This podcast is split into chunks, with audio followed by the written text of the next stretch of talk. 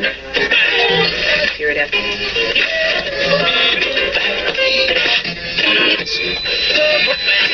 Radio Wolne Media i Radio Paranormalium przedstawiają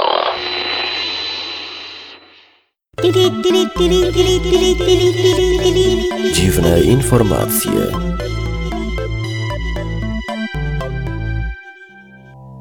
W dzisiejszym programie o sztucznym penisie w latrynie, ognistym zapadlisku w Chinach, setkach tysięcy złotych rybek, które po prostu wzięły i opanowały jezioro, trzech kobietach i dwunastu małpach oraz rzece w Rosji, która przybrała krwisto-czerwony kolor. Panie, panowie, obojnaki i rybki, zanim zabierzecie się do przejmowania władzy nad jeziorem, wysłuchajcie proszę dziwnych informacji. Sztuczny penis w latrynie. Zachowany w bardzo dobrym stanie sztuczny penis, wykonany ze skóry i drewna, odkryli archeolodzy w czasie prac wewnątrz dawnej latryny na podwalu przedmiejskim w Gdańsku. Znalezisko pochodzi z drugiej połowy XVIII wieku. Jak wyjaśnia Marcin Tymiński, rzecznik Pomorskiego Konserwatora Zabytków, Przedmiot znaleziono w miejscu, w którym mogła mieścić się szkoła fechtunku. Wypełniony włosiem sztuczny penis wykonano przede wszystkim ze skóry bardzo dobrej jakości. Końcówkę zwieńczono drewnem. Atrapa posiada również bardzo wyraźnie zaznaczone jądra. Archeolodzy przypuszczają, że była to erotyczna zabawka. Przedmiot wpadł do latryny przypadkowo i z pewnością nie służył do lekcji fechtunku. Ogniste zapadlisko w Chinach. W zachodniej części Chin, w okolicy Xishan, powstało niezwykłe zapadlisko, z którego na powierzchni wydobywa się wysoka temperatura. Nieznana jest jego głębokość, gdyż temperatura utrudnia podejście badaczy na odpowiednią odległość. Zdalnie zmierzono, że na głębokości 2 metrów temperatura wynosi 792 stopnie Celsjusza. Według miejscowych, przed pojawieniem się oglistej dziury, ziemia w tej okolicy bardzo się nagrzewała. Okolica nie jest aktywna wulkanicznie. Eksperci sądzą, że pod ziemią doszło do samozapłonu pokładów węgla i po jakimś czasie płomienie dotarły do powierzchni. Na pewno nie jest to wejście do piekła, gdyż Z czeluści nie słychać jęków dusz ani diabelskich hi-hi-hi-chichotów. Setki tysięcy złotych rybek opanowały jezioro.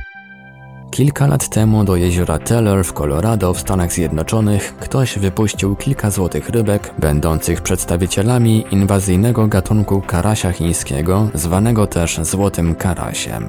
Ryby rozmnożyły się do tego stopnia, że obecnie są gatunkiem dominującym w jeziorze Teller i zagrażają istnieniu rodzimych gatunków flory i fauny. Ekolodzy mają dwa pomysły na rozwiązanie problemu. Rozważają spuszczenie wody z jeziora, ponowne zapełnienie go wodą i osiedlenie rodzimych gatunków lub użycie paralizatorów elektrycznych do ogłuszenia ryb, wyłapanie ich i sprzedanie akwarystom. Próby z wypowiedzeniem złotym rybkom życzenia, aby znikły, spełzły na niczym.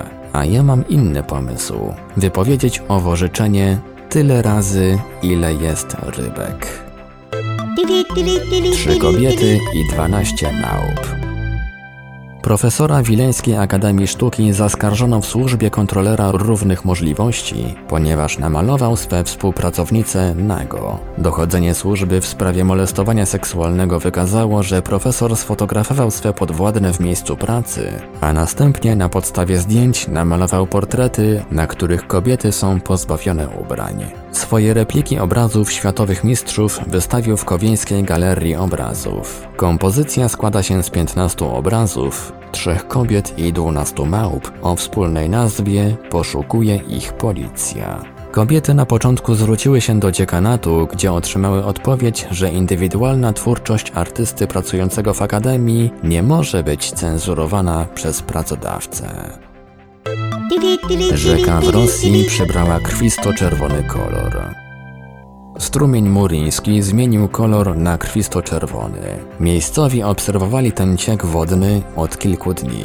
Ich zdaniem rzeka każdego dnia zmieniała swój kolor. Woda stała się najpierw żółta, a potem krwisto-czerwona. Mieszkańcy Kalinina twierdzą, że już nie pierwszy raz obserwują zmianę koloru rzeki płynącej pomiędzy Grażdańską a Swietlanowską Aleją. Czytelnicy portalu Fontanka piszą, że uwagę przyciąga nie tylko kolor, ale także nieprzyjemny zapach pochodzący z wody.